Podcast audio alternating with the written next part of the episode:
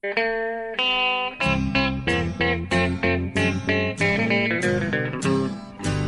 out there, we're on the air. It's hockey night tonight.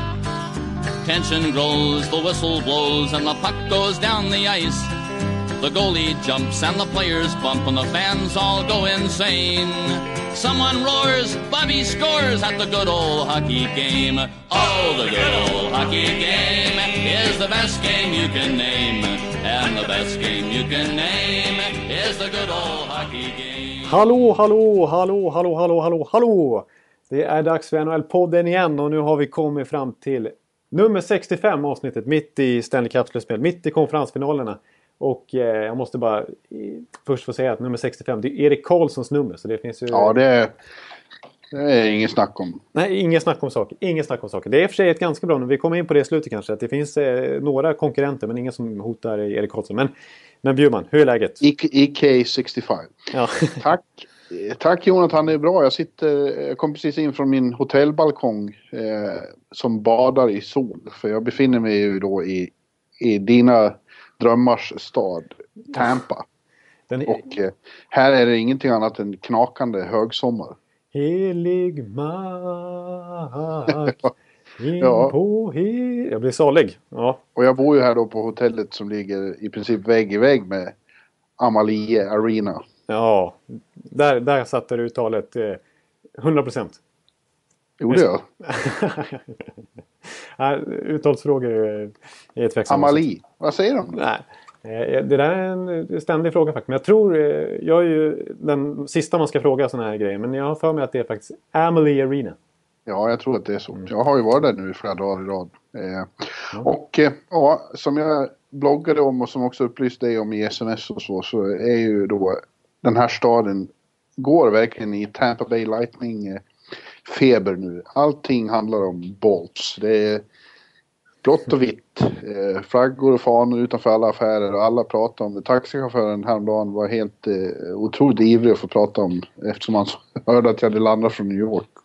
Ja. Eh, och eh, ja, som jag också skrev i bloggen, det känns som någon har gjort en version av Being John Malkovich eh, i Jonathan Ekeliv-versionen. Man kommer in i din hjärna och då skulle det se ut så här. Ja, jo men, nej, men det, det, det, det, jag vill bara klargöra så här, att eh, visst, man tror ju att Tampa, det är, det, är- det är ingen hockeytradition, det finns inget eh, större intresse där och de har dessutom ett amerikanskt fotbollslag, de har baseballlag och så vidare. Varför skulle hockey vara stort i, på västkusten i Florida? Men det är ju faktiskt eh, ganska bra drag och jag, till skillnad från konkurrenten i Florida så vill jag säga att det, det är en, en stor nyckel är också eh, sj- självklart att laget är så här bra, men, men att arenan ligger så tokcentralt som det gör. Precis nere vid Channelside. Nere vid ditt Ja. Marriott Hotel. där. Det, det, det blir en ganska intim känsla där nere i alla fall när det väl går bra för laget. Och det, ja, när det blir ös.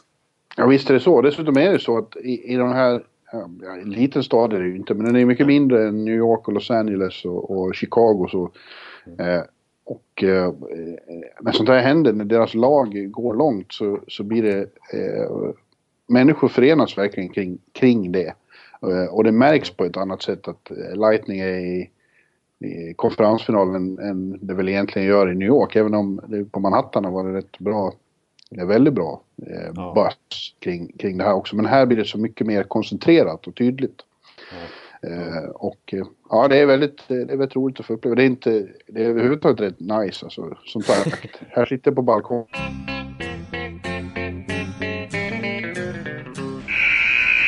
Ja, det är rätt skönt att vara här överhuvudtaget alltså. Det är ju, eh, som sagt, nu har jag stängt balkongdörren men annars så står den öppen hela dagarna och det blåser varmt in här gardinerna fladdrar och när man tittar ut så är det, ja, eh, solen glittrar i Tampabukten och palmkronorna rasslar och man hör musik någonstans i bakgrunden. Det enda dåliga som vi, du och jag redan har fått lida av här i början när vi försöker spela in det här att hotellnätet är som hotellnät brukar vara i USA. Det är svajigt och eh, uppkopplingen går ner. Men Precis. du har, ju- du har ju blivit som mästare på det här så du kan klippa ihop saker och ting. Ja, vi, vi löser det på något sätt. Men då vet lyssnarna det ifall det plötsligt låter konstigt så beror det på att eh, ja, vi har fått börja om. ja, exakt. Det, det, vi, vi trasslar. Men jag tror ändå att ni, ni uppskattar då att vi, att vi kan eh, köra på, eh, på, på den här. Vi vill ju såklart köra och det, det, vi, vi får låtsas som att det blir lite på plats närvaro ändå. Ja. Måla hotell. Det hör Ja, till. precis. Och dessutom har jag glömt mikrofonen hemma så jag kör med eh, old school eh, hörlurar nu. Men eh, ja, vi får väl hoppas att det även det går. Jag ska ju inte säga något som vi lyckades, när jag var över hos dig lyckades glömma min mobiltelefon där. Så att, Ja. ja, det är svårt att säga något. Ja.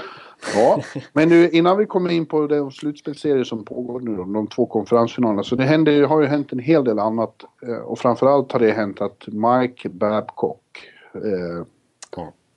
NHLs mest omsusade coach, efter tio år i Detroit då faktiskt lämnar Red Wings. Och eh, ganska överraskande till slut eh, bestämde sig för att bli coach i Toronto istället. Ja, det har ju varit eh, supersnack i senaste dagarna och det har varit en såpa de senaste två veckorna får man säga. Eller ja, hela säsongen. Det var ju eh, snack om att det skulle bli den här utvecklingen redan ja, för flera år sedan nästan. I alla fall förra sommaren när, när det kom uppgifter att, eh, att Babcock tackade nej till kontraktsförslag trots eh, fina löneförhöjningar. Så, så visste han att släpper han väl, eh, liksom, kommer han väl till den här punkten när, när andra lag kan börja diskutera med honom.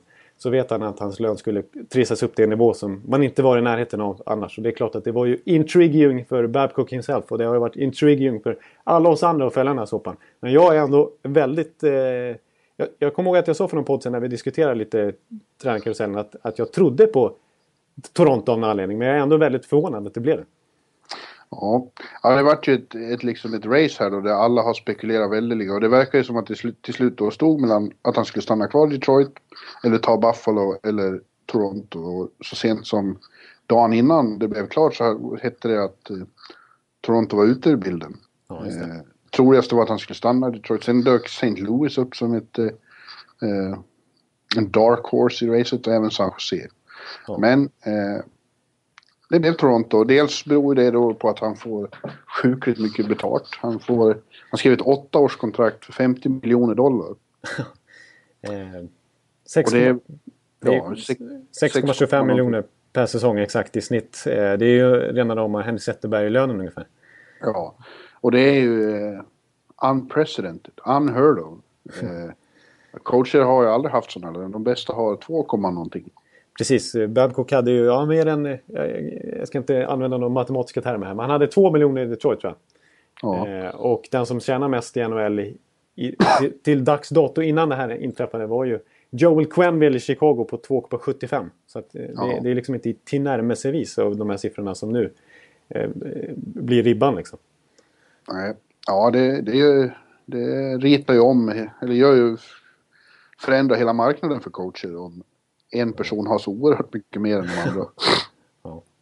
Och eh, jag tror NHL är så lagom eh, nöjda med det här. Eh, Det är ett sätt att kringgå eh, CBA och eh, börja satsa en massa pengar på, eh, på coacher då. För rika lag som Toronto. Allting syftar ju till med, med, med lönetaket att det ska bli eh, hård, eh, jämnare konkurrens. Att eh, de fattigare lagen ska ha råd att konkurrera. Ja.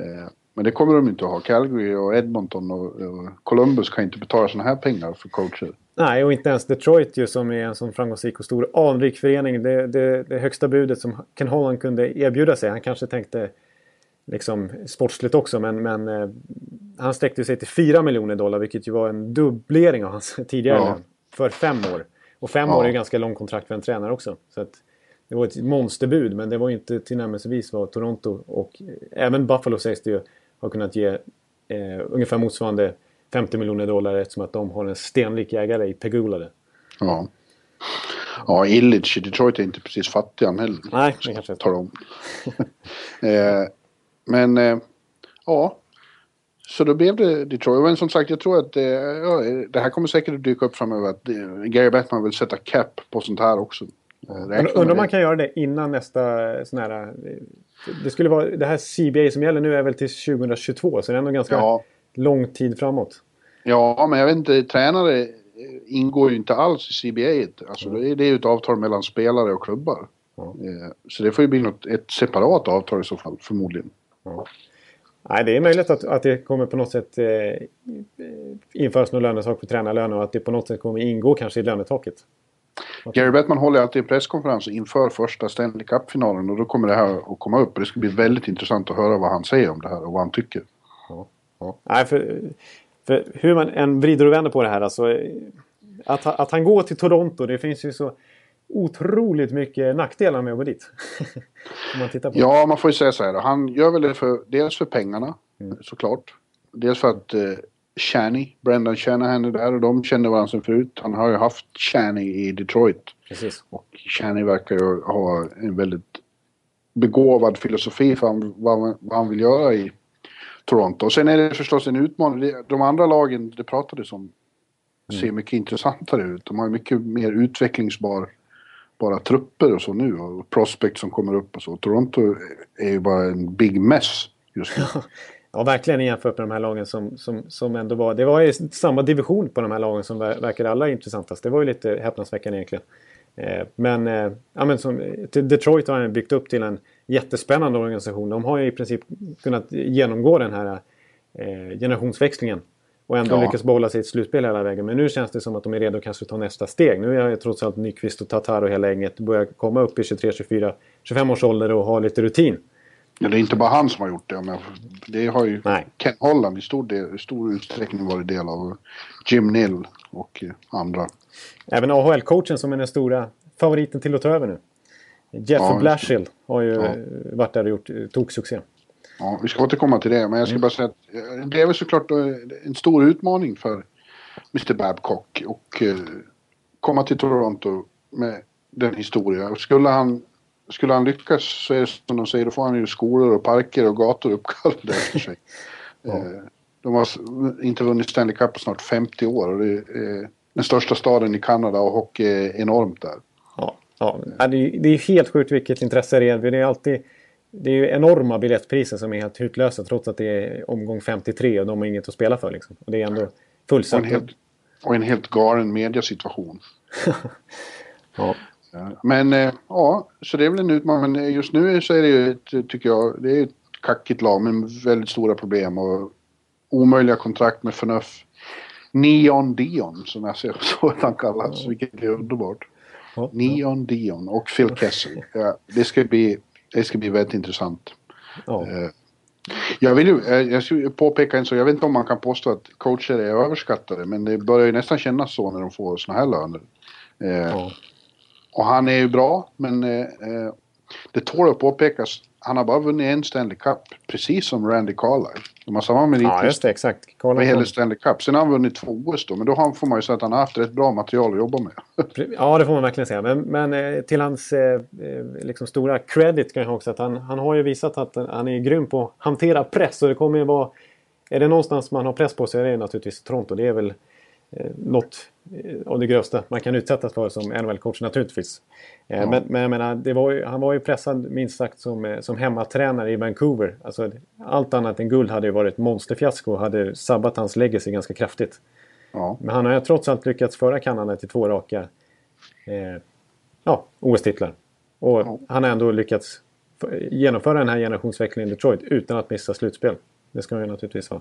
Så det, det, det, är ju, det, är ju inte så konstigt att, att han har ett väldigt högt anseende men 6 miljoner, att han, att han ska vara värd tredubbelt så mycket som Joel Quennell till exempel. Det är, det är naturligtvis Nej. anmärkningsvärt. Å andra sidan, någonstans är det också, har det alltid tyckt jag varit lite konstigt att tränaren, chefen, har så mycket mindre betalt än de han basar över. Ja. Det är den enda, enda, enda bransch i världen där det är så tror jag. Ja, jo, det stämmer. Det är ju verkligen bara så här sportgrej liksom. För att, eh, Det blir ju lite konstigt i hierarkin med det. Liksom. Tänk om, om du hade 30 eh, gånger så mycket lön som, som P.O. Larsson. Ja, det, det skulle se jättekonstigt. Det skulle inte gå ut. Det skulle vara konstig stämningar på redaktionen kanske. Ja, eller hur? Ja. Men så ser det inte ut. Nej, men... Ja, det ska bli väldigt intressant att följa hur det där går. Om, om det blir en omedelbar förändring i, hos Toronto eller om det blir en lång, lång process att göra dem framgångsrika. Shanahan och, och, och Babcock understryker när de har pratat idag när vi spelar in det här. Det här vi spelar in nu eh, precis in, inför Anaheim eh, Chicago, eller Chicago Anaheim rättare sagt. Den Game 3 mitt i natten. Ja. ja. Eh, men men eh, de har pratat här på kvällen när vi spelar in. Eh, Babcock för första gången om det här. Jag hann inte se allt men, men eh, de understryker i alla fall både Babcock och, och Shanahan att det är ju en det här med rebuild som Shanahan pratade redan om när han rensade bort 23 personer eller vad det var efter säsongen. Att det är en ja. patient rebuild som gäller Toronto nu. De måste bygga, börja om, de måste bygga från grunden. De, de ska rensa ut i staben och liksom hitta nytt folk. Både kanske spelarmässigt men framförallt på ledarsidan. Eh, och ja. det här åttaårskontraktet eh, liksom beskriver de ju som att det är, det är den tid, tidsramen vi jobbar med. Liksom. Att vi, vi, bara för att vi har fått in en supercoach här eh, nu så kommer vi inte vinna Stanley Cup nästa år. Utan det verkar, inte, det verkar som att de försöker trycka på för sin stora fanbase här att det här är ett långsiktigt projekt. Ja, ja. ja vi får se. Och då står Detroit då utan sin coach och mannen som i mångt och mycket har... Eh, ja, han har ju präglat klubben väldigt starkt ja. eh, länge. Och eh, precis när det hände så kändes det plötsligt som att Detroit liksom var lite nakna plötsligt. Att de, oj, oj. Han är ju Mr Detroit, eh, ja, har han blivit liksom. Det var mitt intryck just att de känns lite nakna. Men mm. eh, nu är det inte så särskilt många i Detroit som är ledsna tror, tror jag att jag kan garantera. För han har inte varit särskilt populär. Nej, det har varit mycket snack om det lite sådär hum-hum liksom bakom kulisserna. Att, att spelare eh, och kan, även eh, liksom, kollegor och så här, är, tycker att är, han ställer enormt hårda krav och det är ju en svår person att ha att göra med i vissa avseenden. Ja, ställer hårda krav är en sak men det är mm. Som, som jag har förstått en rätt sarkastisk, hånfull och eh, otrevlig människa mot... Eh, han visar en sida utåt mot media men inåt kan vara en rätt eh, obehaglig människa. Mm. Eh, en, en mobbare, fr framförallt mot de som inte riktigt håller måttet. Nej. Eh, ja. Och vi såg väl lite av när han blir förbannad nu i, i, i Road to Winter Classic. Ja. Det var inte mest sympatiska ett, bilden, nej. Nej, och han har ett extremt ego. Ja. Eh, ja. så, ja, så det, de är inte ledsna. De kommer förmodligen att få den här Grand Rapids-mannen, vad heter han? Jeff Blashill. Ja, han har väl ett gott anseende. Ja, precis. Alltså, han är ju ändå den som... Han, han, sitt första år där så gick han och plockade hem Calder Trophy med... Eller Calder Trophy gjorde han verkligen inte. Calder Cup heter det. AHL-slutspelet. Eh, och då var det ju Nyqvist, det var Tatar, det var Sheehan, det var Jerko, det var De Kaiser och hela gänget. Och det var ju Peter Mrazek i kassen. Så det var ju verkligen... Han har ju verkligen varit med och byggt upp de här killarna som nu är bärande spelare i Detroit. Ja. Eh, och det ska sägas också, jag måste bara tillägga det, att redan förra säsongen var det ju flera NHL-klubbar som ryktades vara liksom intresserade av att plocka över Blashill. Men då, dels så har ju Detroit förbjudit andra klubbar, när man har en, en människa under kontrakt så har man ju rätt att faktiskt eh, förbjuda klubbar från att prata med honom. Plus att man höjde hans lön så att man skulle konvinsa honom att förbli i Detroits organisation. Så att man har ju verkligen skyddat honom från eh, liksom, rivaler och eh, sett den här utvecklingen eh, framför sig. Att, att det fanns en stor risk att bli av med Babcock. Och då är det Blashill som allt talar för att han kommer ta över. Konvinsa Ekan, konvinsa. Ja. ja. ja. Ja, men och det, dessutom är det så då för de som är kvar i Detroit, de äldre spelarna framförallt, så kommer det vara en enorm extra motivation att visa eh, att eh, framgångarna, till exempel den här slutspelssviten, inte hade i första hand med Babcock att göra utan med dem. Det kommer att vara, de kommer att vara extremt motiverade. Ja, ja. Inte ja. minst i matcher mot Toronto. Ja, just det. Exakt. För nu är det, det var som jag sa, det är samma division. Det, det, det här kommer, det kommer vara många möten med de här lagen. Ja. Så att, eh, nej, men, och ledarskapsproblem, det känns ju ändå som att det är en, trots att de tappar Bergholm så känns det som en otrolig, alltså på ledarskapssidan så har de ju otroligt grundmurat det. Eh, ja. Alltså med, med Ken Holland där, det är ju en, en väldigt skicklig general manager. Det, det här Illich eh, familjen som, som eh, toppstyr och sen även jag menar, Kronwall, Zetterberg, Datsjuk. Det är, det är ju en, en bas att stå på så att säga. Yes. Ja, att, eh, ja det blir intressant. Ja. Vi har några till nya coacher. Vi har McClellan hamnade till slut i Edmonton och får vara den som eh, ledsagar Connor McDavid in i NHL.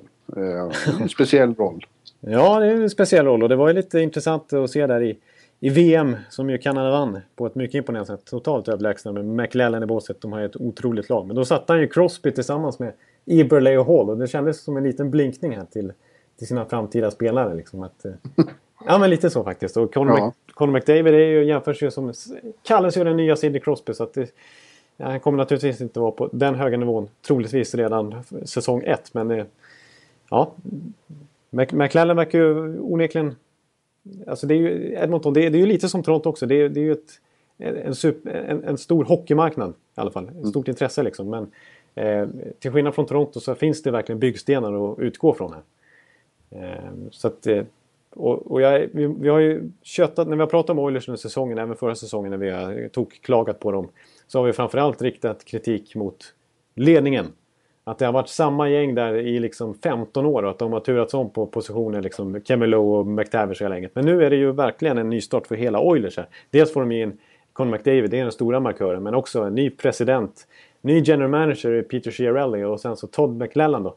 Som för första gången får vara med från start och bygga ett lag. För när han var i, i San Jose, vilket han har klagat lite på liksom sådär outtryckligen, men vad man har kunnat utläsa av kommentarer. Så Wilson var ju där sedan 2003 och McLennan kom in typ 2007-2008 till San Jose. Eh, och han, då var ju i princip kärnan i det laget satt. Mm. Eh, nu, nu kommer ju McLellan in tillsammans med en helt ny general manager också. Så de kan ju verkligen samarbeta på ett helt annat sätt och bygga det här laget.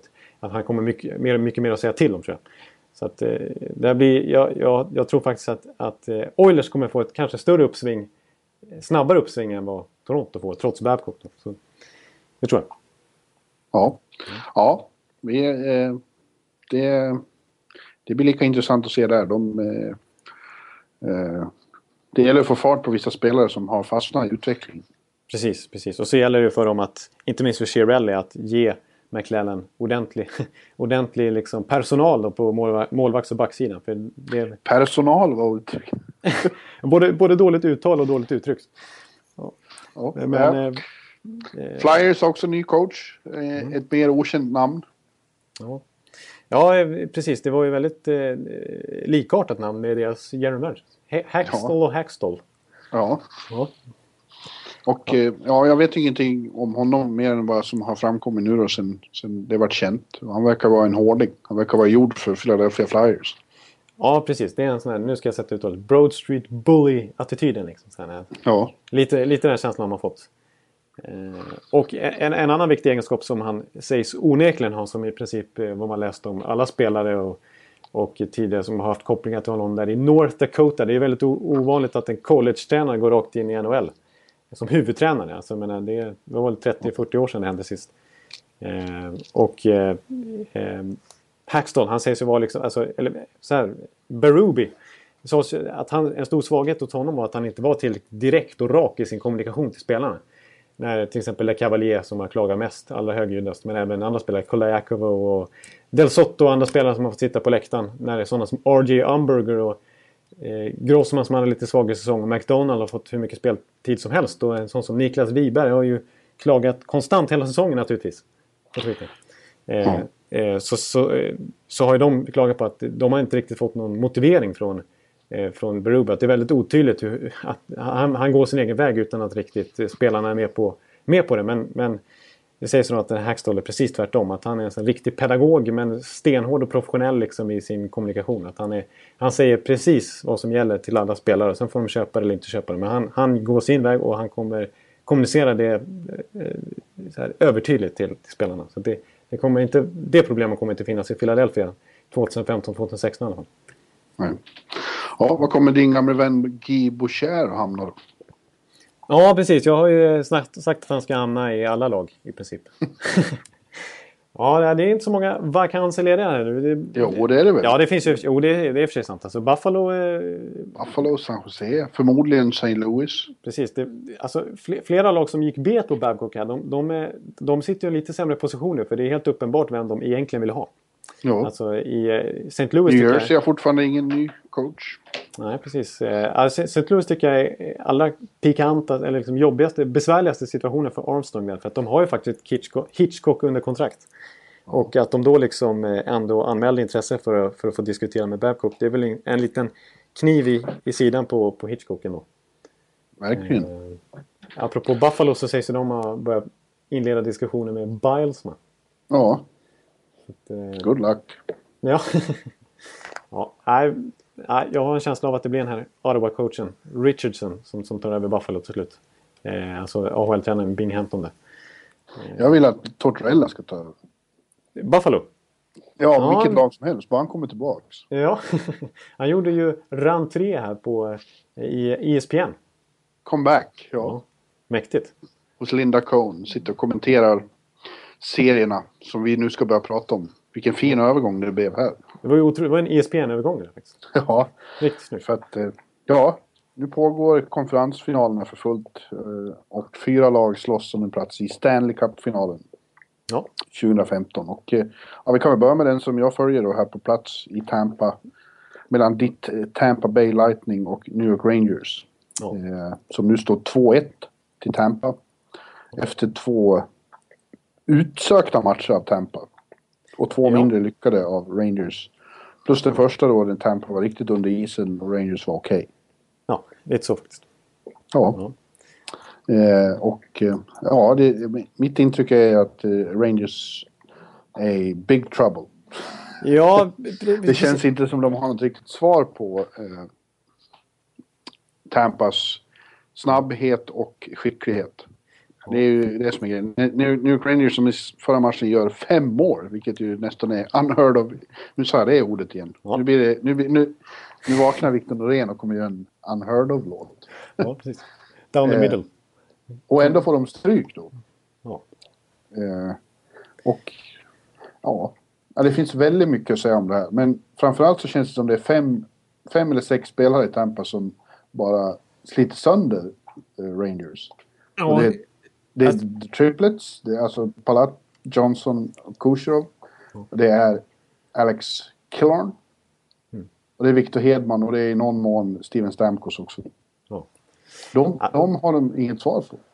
Nej.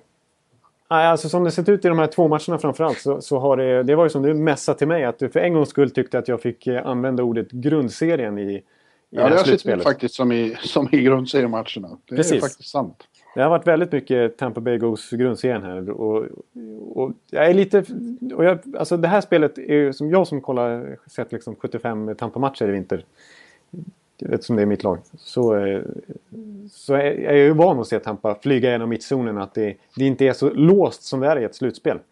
Eh, Utan, att, utan då, då finns det verkligen yta för Palat och Kutjerov och Kilorn och gänget att, att, att liksom ha det här spelet. Och att de får ja, de här, att de här situationerna dyker upp. Men, men som, ja, Detroit stängde ju ner totalt och körde väldigt tydliga matchups med, med Glendening där. Och, och de, visst, de producerade även då, men det var mycket tajtare och det var en spelbild som snarare gjorde att både Montreal och Detroit hade possession advantage. Alltså de hade mer, mer att spela nästan. Ja, det är väldigt konstigt för det känns som Rangers försöker slå Tampa på, på Tampas bästa gren. Rangers vill också spela snabbt. Eh, Ja. fast, och de är ju snabba, men de är inte lika snabba som Tampa. De är sämre på det. Och hamnar i väldiga problem när de ger bort mittzonen. exakt. För det är väl det som är den stora grejen och som gör att det ser ut som det gör. Att, att det är inget lag som tar tag i mittzonen eh, defensivt. Nej. Eh, Utan den är öppen liksom. Det, det, det går hit och dit när, laget har, när, när respektive lag har pucken. Liksom. Eh, Då, är, då är det bara att köra på. Liksom. Och det, det är klart att det är Tampas absolut starkaste gren. Så att det, det kommer ju... Ja, så som, den formtoppen som de verkligen är inne i nu också. Jag menar, den här poängsnittet som, som, som triplets håller och även Kilorn, det, det, det var de inte nära, i nära alltså, Nej, inte riktigt närheten av i grundserien faktiskt. Eh, Nej. Alltså de här triplets är ju, det är ju hockeyshow på enorm nivå när de är som bäst. Men jag måste säga också den här Killorn har imponerat väldigt mycket. Vilken jävla sniper. Ja, det målet han gjorde i Game 3 framförallt när han åker in och bara bestämmer sig för att Ja, eller när, ner. Eller när Viktor i andra matchen, Viktor Hedman som jag faktiskt just har ägnat den här torsdagen åt att skriva en lång krönika om som kommer i tidningen imorgon.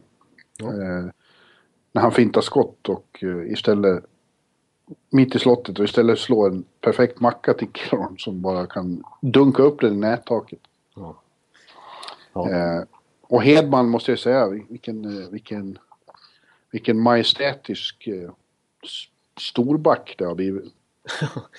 Ja, ja, ja, precis. Ja, verkligen. Alltså, det ett ord som jag återkommer till där alla gånger här nu. Det är ju pondus. Alltså. Ja, Han har ju enormt driv och det är så här man, man såg honom, kommer jag ihåg redan när det kom upp YouTube-klipp på honom i Modo J20 ungefär. Att han kunde dominera isen på det här viset eh, i alla riktningar överallt på isen. Att han, han verkligen var den som tog tag i spelet. Eh, ja, och han får sån fruktansvärd fart alltså som ingen som är så där stor brukar kunna få upp.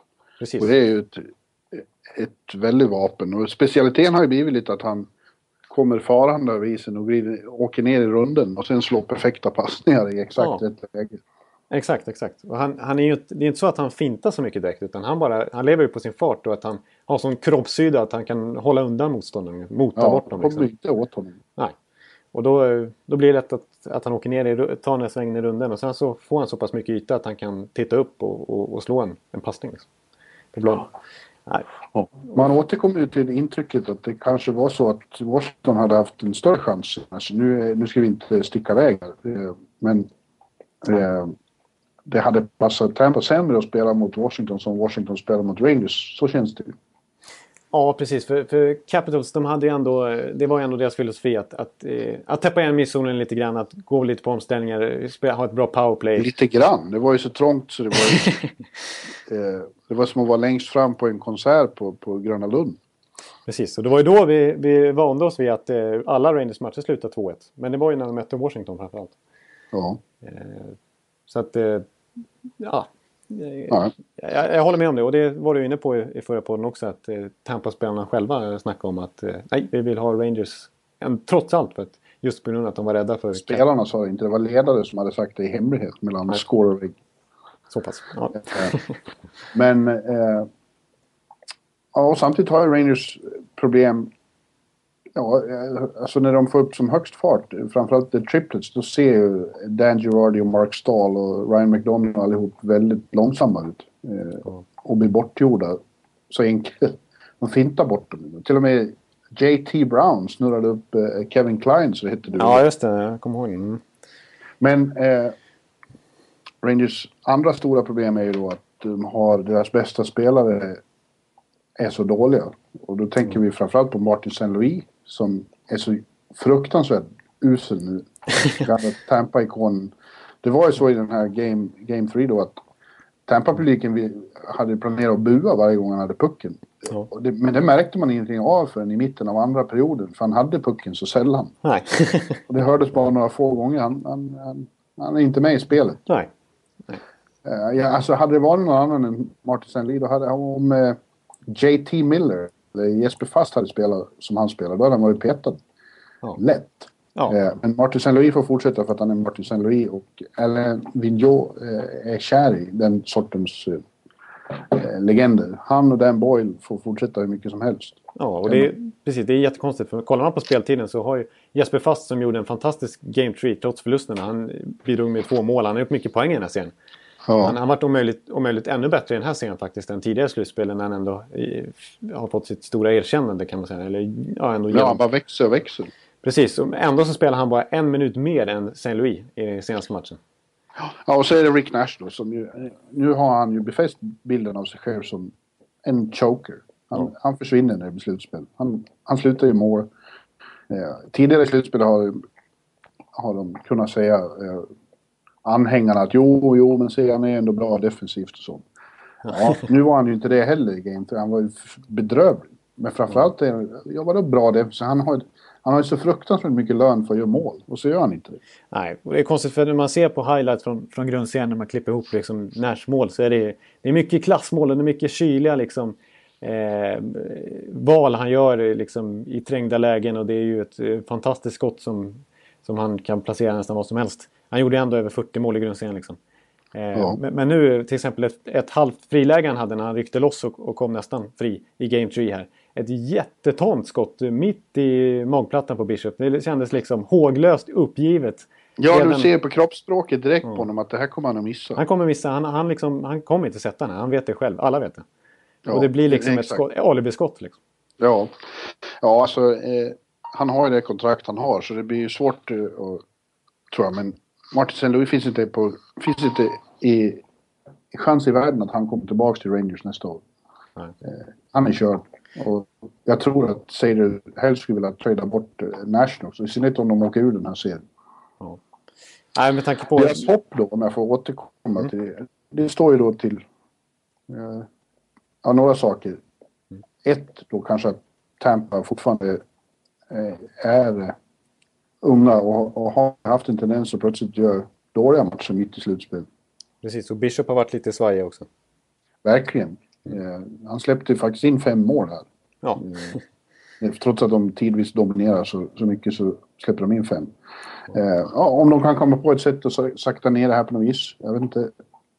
Eh, de har ju sin förmåga att komma tillbaka. Det var ingen som trodde att de skulle komma tillbaka från, mot Washington heller.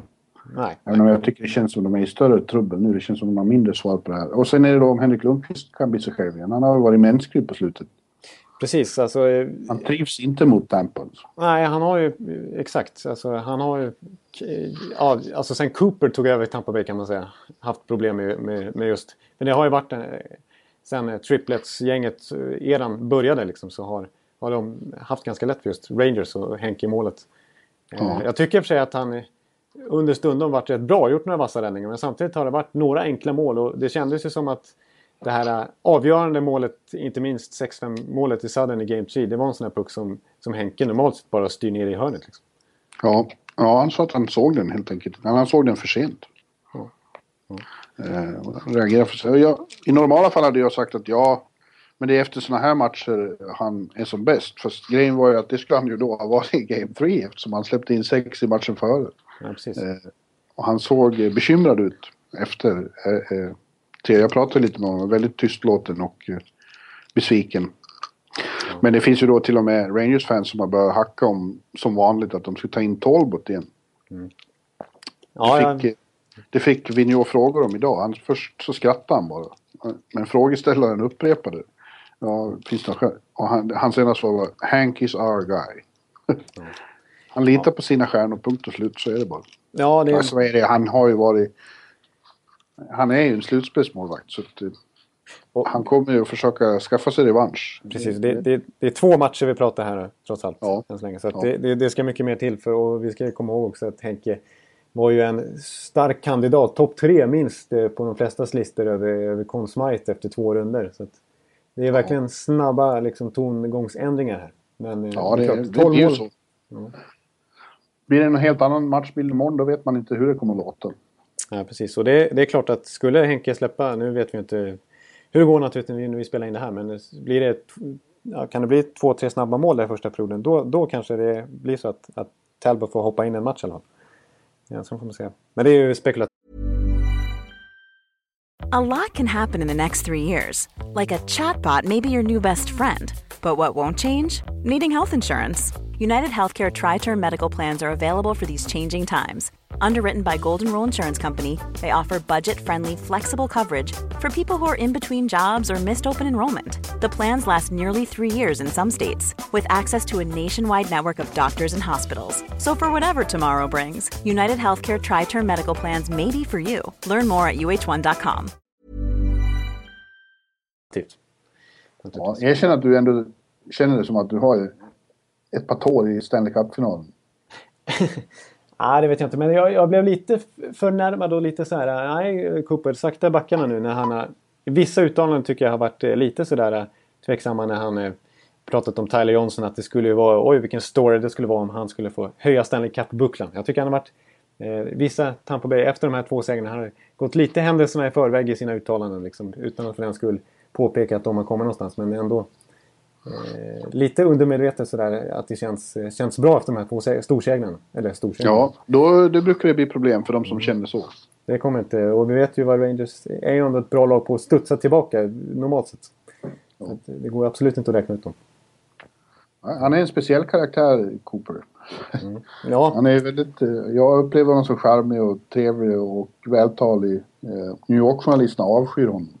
Alltså, tycker att, ja, de tycker att han är ju en jurist, liksom, utbildad jurist. Och de tycker de ser rakt igenom. Det är bara falsk, eh, falsk eh, pretty boy charm. Eh, alltid haft det bra och så.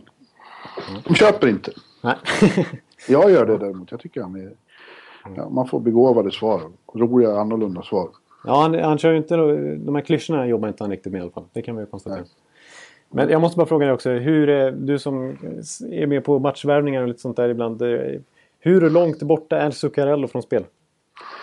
Ja, långt. Det är långt. Eh, Mm. Han har fortfarande inte tränat med laget. Han kör ensam på is och... eh, Ja, det är en eventuell Game 7. eh, en, eller en eventuell Stanley Cup-final. Han måste ju träna med laget. Ja. För det känns som att just när det väl utvecklas till den här matchbilden som inte Rangers gillar. En som ändå gillar det är ju Zuccarello. Han skulle ändå bidra i den här serien i allra högsta grad. Ja, ja det är som det är. Men nu vart ju Tampa av med en back då kanske. Carl. Ja. Ja. Men hon, han tycker ni inte är bra ändå. Nej, jag har ju inte varit hans största fan här under en, varken säsongen eller den här poddhistoriken. Har, har han fått några kängor av mig. Nej, eh, däremot är jag väldigt imponerad av Nesterov som jag tror är en ny bekantskap för de flesta. Eh, det var ju inte tanken att han skulle vara så här bra som han är faktiskt i det här slutspelet. Han är övertygat halvt om halvt i AHL. Eh, men han har varit riktigt bra faktiskt. Eh, trots att det har varit liksom långa upp, uppehåll mellan, han, mellan hans eh, få insatser. Han har inte fått så mycket minuter heller hit och dit. Men nu börjar det verkligen... Nu när Cooper växlar om till sju backar så har ju faktiskt Nestor fått mycket speltid och gjort det väldigt bra och varit inblandad i flera viktiga mål här i Rangers-serien. Ja. Mm. De har en, en ny, ny, stor, ny ung spelare på gång där faktiskt. Ja. Men du, om Tampa går till final nu då, då får de möta antingen eh, Anaheim Ducks eller Chicago Blackhawks. Den serien har ju redan utvecklats till Big Drama. Big Ja. Drama. Jag vet inte alls vad som ska hända där. Nej, nej det, det, precis. Oj, oj. Och vi, när vi spelar in det här så, så är det alltså bara någon timme kvar tills eh, nedsläpp i Game 3 i Chicago. Tredje matchen ja. Precis. Ja. Så att, eh, ni som lyssnar har förmodligen koll på, på läget där. Men eh, vi utgår ifrån de här två första matcherna. Och eh, 1-1. Det Ducks vann första eh, och övertygade, då såg de ju klart starkare ut. Eller det var väl så att eh, Chicago hade mycket spel, men fick inte... De hade mycket puck, ska vi säga. Mm. Eh, var ofta i anfallszonen och fick iväg mycket skott, men inga särskilt farliga skott. De höll dem eh, utanför, som det heter. Ja, de kändes tunga och starka den matchen Anaheim faktiskt. Eh, och att Ja, de, att de, ju längre de- matchen led liksom. Mm, Ja, och när de fick chanser så, så gjorde de mål. Precis. Och de har känts väldigt effektiva hela slutspelet. Att de har en grym liksom, power in mot kassen. Ja. Men sen i Game 2 då så vart det ju eh, en eh, nattmangling monumental igen. Eh, Ja. Nästan tre hela övertidsperioder innan Marcus Kryger avgjorde. Och eh, det var ju återigen då eh, Chicago vinner de matcherna, punkt och slut. Ja, det är helt... Alltid. Alltid. Helt osannolikt. Det är liksom... Det måste vara mentalt jobbigt för eh, alla lag att bara gå in i en förlängning mot Chicago. För att man vet historiken där. Det, Ja, det om- måste vara väldigt eh, tungt självförtroende för dem själva. Det sa Kryger efteråt att ja, som vi vet att oddsen, ja, det är bra odds för oss. Ja. Men det brukar inte vara Kryger som avgör, det brukar vara Kane och Seabrook och, och company.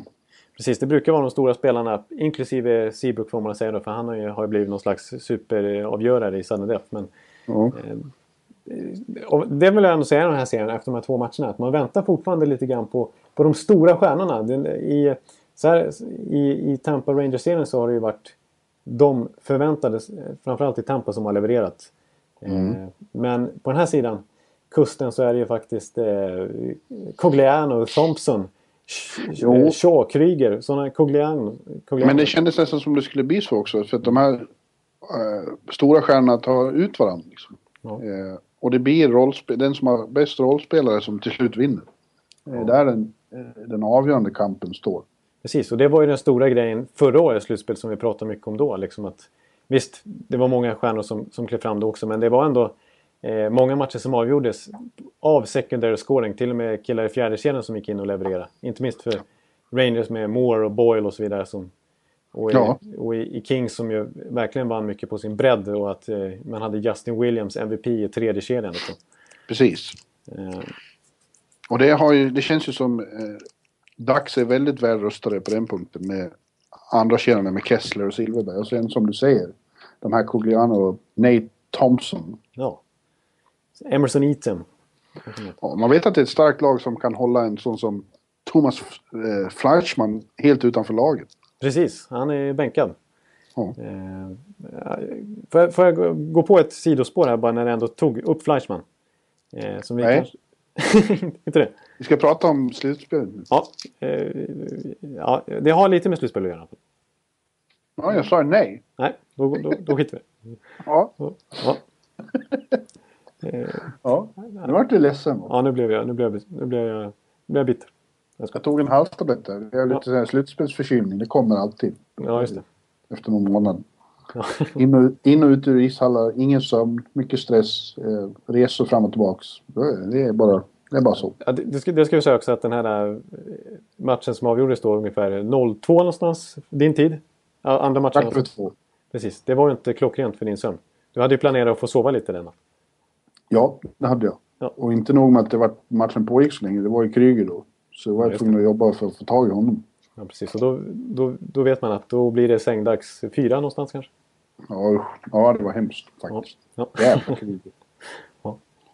Eh, men en intressant, väldigt intressant dimension i den där serien är ju att sen Chicago förlorade Michael Rosewall då.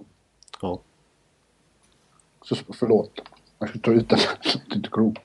Eh, eh, så spelade han ju nästan bara med fyra backar. Eh, Ja. David. Rundblad kom in som eh, eh, komplement till Kimmo Timonen i, i tredje backparet. Eller de två extra backarna ska man kalla dem eftersom de får hoppa in och alternera lite här och där. Ja. Men hans, ja, det gick inget riktigt bra för Rundblad. Nej, han, han låg... Han beskylldes lite för åtminstone ett Ja. mål. Liksom. Mm. Det går inget bra för Timonen heller. Nej, verkligen inte. Nej. Och då kom den här... Eh, Kamiski. Ja. Mm. Och nu har han den rollen. Men det är alltså eh, Duncan Keith, eh, Brent Seabrook, Niklas Hjalmarsson och Oduya får ju spela något så fruktansvärt mycket. Och man kan ju inte låta... Det har de ju alltid gjort. Det har ju varit hård belastning på dem. Men, men kan man verkligen lyckas eh, eh, i, långa loppen med, med egentligen med bara två backpar? Ja, precis. Ja, det är, och det här är, ja, det är, det är verkligen så. Det är, eh, som i senaste matchen. De där fyra backarna låg alla över 46 minuter. Ja. Det är helt. Alltså de är ju fantastiskt bra, men det måste ju vara något fruktansvärt. De spelar nästan varannan byte. Ja, och, och, och, eh, ja, precis. Och det här är ju Anaheim inte sena på att försöka, försöka utnyttja i alla fall. Det är ju Boudreau. Herregud, De, de smäller på de där fyra backarna så mycket som möjligt. Ja. och så matchar han in de bästa forwardsen när de här andra är ute då. Exakt. Det är ju en väldig akilleshäl såklart. Såklart eh, Ja. när ja, Det, det kan ju, backar inne som inte riktigt håller. just, i den, just i den bemärkelsen, eh, apropå coachningen där, så kan det ju vara en, en lite, större än van, lite större fördel än vanligt att få komma hem nu till Chicago och ha sista bytet.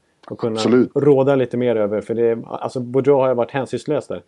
Och Ja. eh, kollar man på tacklingar bara, 115-79 i tacklingar till Anaheim på de här två första matcherna. Det är ju ganska enorm skillnad faktiskt. Eh, Ja. Och eh, ja, det... Nej, det, det, det kommer... Jag, jag, jag, jag kommer ihåg att Don Cherry tog upp också efter första matchen. Han skulle visa... Han skulle egentligen visa något annat om Hjalmarsson tror jag. Eh, men så kom han ju fram till att det är ju lika bra att visa här att han är ju helt utpumpad. För att han blir ju tacklad hela tiden. Jag tror de hade en, en sekvens när de visade att han blev jättetacklad 5-6 gånger. Och när han satt i båset och liksom hulkade sig nästan såg det nästan ut som att han var eh, sk- Skulle, skulle välta sig ner och, och, och spy eller någonting. För att han Ja. var så trött. Så att... Ja. eh, Ja, nej, det, det låter som en väldigt... Men eh, som du säger, nu är de hemma i United Center och jag blir inte förvånad om de plötsligt eh, vakna till liv. skaffar sig övertag i alla fall i den här serien. För det är Chicago Blackhawks. Det är ju det, precis. Och det är ändå starkt av dem att komma från det här med, med 1-1. Ja, verkligen. Det är riktigt starkt. Eh, Och man märker att de blir så fruktansvärt glada. när De gör mål, men det känns som de mest är glada över att matchen är slut. De, har inte, de upplever inte att de har åstadkommit någonting än. nej, precis. Det är ändå... exakt. Det är, det är väldigt så här kontrollerat firande. Det är klart de hoppar Ja. runt liksom så här. Men det är, det är inte den här hänga kvar och köra är- ärvarv direkt och liksom juniormålgesterna liksom. Utan det är... De har redan vunnit så mycket, så medan man känner då att hade Dags vunnit, hade det varit TV-pucken. Ja. ja. Det var lite skillnad på, på, det får man ändå erkänna, på eh, Chicagos övertidsfirande och på Tampas övertidsfirande. Ja, ja precis. Eh, Så ni kommer att få spö av Chicago. Tänk att jag inte håller fast vid det här tipset. Som jag sa när slutspelet började sa jag att det skulle bli Chicago-Tampa. Ja. Jag sa att det skulle bli de här två konferensfinalerna också. Men sen har jag ändrat mig under, under loppets gång. Vilka jävla dumheter. det ska man inte göra. Nej. Ja. Ja, men, eh, jag, jag vill ändå passa på att hylla en, en spelare ändå trots allt här som i Anaheim. Eh, som jag tycker vi har kanske varit, eh, i alla fall jag, lite sådär halvskeptisk till och som man inte riktigt gett något erkännande. Men det, alltså Andersen, Fredrik Andersen i kassen är ju faktiskt riktigt bra. Ja, verkligen. Det har du helt rätt i. Och han har Jag, liksom... ser, jag har nog sett för lite av honom för att faktiskt fatta hur bra han är. Och jag kommer ihåg han hemma i Sverige när han spelade Frölunda. Han var ju en, en fullständig vägg den säsongen. Han var ju ruskigt bra framförallt i grundserien. Eh, men eh, alltså han, har, han har ju så otroligt... Han har ju alla, alla liksom viktiga egenskaper man vill ha hos en målvakt. Det har han. Alltså han är, han är lång som ett... Det är ju liksom, moderna målvakter är ju stora som hus. Han väger 100 kilo. Han är 1,93 lång. Eh, han är så här otroligt lugn. Det är som Braden Holtby, Henke Lundqvist-grejen liksom. Att, ja. att inte hetsa upp sig. Men han samtidigt är en galen vinnarskalle och vill ta varenda puck, vill vinna varenda match. Och vi såg ju hur sur han blev när de förlorade i övertiden. Han var ju trots att klockan var... Ja, det får man väl ändå förstå efter att ha spelat sex perioder. Ja, precis. Men han var nästan Tucka Rask-sur där.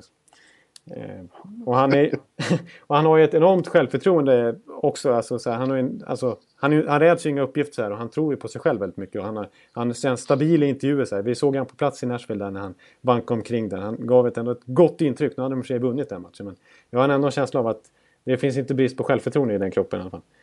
Eh, och så, han, så är han ju så extremt välskolad. Alltså, det är ju en av de, han är ju verkligen som alla moderna unga målvakter naturligtvis. Men han är, har ju verkligen eh, tekniken och, och, den här moderna stilen. Liksom. Så att eh, vad man än pekar på så, så, förstår man att det här är ju en bra målvakt. Mm. Eh, ja. ja. Så kan det gå. Ja, vi får ju ändå i sammanhanget ändå berömma Crawford också som har varit bra och som verkligen har studsat tillbaka efter sin mardrömsstart på slutspelet. Eh, Chicago är väldigt tydliga med trots allt att det är han som, som ska föra dem till en ny cuptitel. Yes. Ja du min vän, nu ska jag göra mig ordning här. Eh, ja. Eh, vi återkommer nästa gång. Vi har några små saker kvar. Vi ska lyssna på en låt till. Ja, det ska vi göra. Eh, precis, vår vän eh, Viktor Norén har, har ju mycket riktigt, du, ju, du sa ju det direkt i, i sändningen, i, liksom i podden förra veckan, att det här kommer att bli poddmaterial. Ja, jag, jag, gjorde mig skyldig till en grov eh, svängelsk eh, dans med tungan. Det, det, är gott om sånt i, när vi pratar, men det här var, det här var ändå exceptionellt vill jag säga. Ja, och det, det snappade Viktor upp. Så det ska väl avsluta med att lyssna på det lilla eh, eh när eh, Sophomore Slump får solo i princip. Ja, exakt. Det är, för, för det brukar vara One-Two Punch som, som står för mesta av sången. Men det är Sophomore Slump som går solo här. Det är ju historiskt. Det här är en, verkligen en debutalbum. Liksom. Debutplatta i alla fall. Men eh, ja. jag, ska, ska jag snabbt bara eh, säga också, jag måste... Andrew Shaws nickmål var ju speciellt som blev bortdömt. Vi har ju läst och, och, hört och sett det naturligtvis senaste dagarna varför det dömdes bort. Att det är inte okej okay att nicka en sån här. Men jag vill säga, han har nummer 65. Precis som ja. det här eh, avsnittet. Eh, Erik Karlsson är ju ändå dö, nummer 65. Vi har redan sagt Erik Karlsson. Vi behöver inte diskutera. Det finns Precis. inget att diskutera. Nej, men Andrei Burakovsky har också nummer 65. Ja, det, det kommer att bli bra. Men eh, Erik Karlsson. Ja, bra. vi bestämmer oss för det. Ja, helt rätt. Nej. Ja, när vi återkommer nästa vecka då kanske vi vet vilka som är i Stanley Cup-final. Precis, det blir ju ytterst intressant. Ja, och, eh, spännande. Vi tackar, vi tackar så mycket för alla som har lyssnat. Och häng med i bloggen här nu, Bjurman. Trots eh, eh, i bloggen så märks det inte av några internet connections. Då märks det bara närvaro, att du faktiskt är på plats. Och trötthet. Jag tycker du håller hågan uppe fint. Ja, tack. Ja, men då, då, tar vi och avslutar med uh, Sophomore Slump uh, Goes uh, Solo. Ja. Varsågoda. Take it away, Sophomore Slump.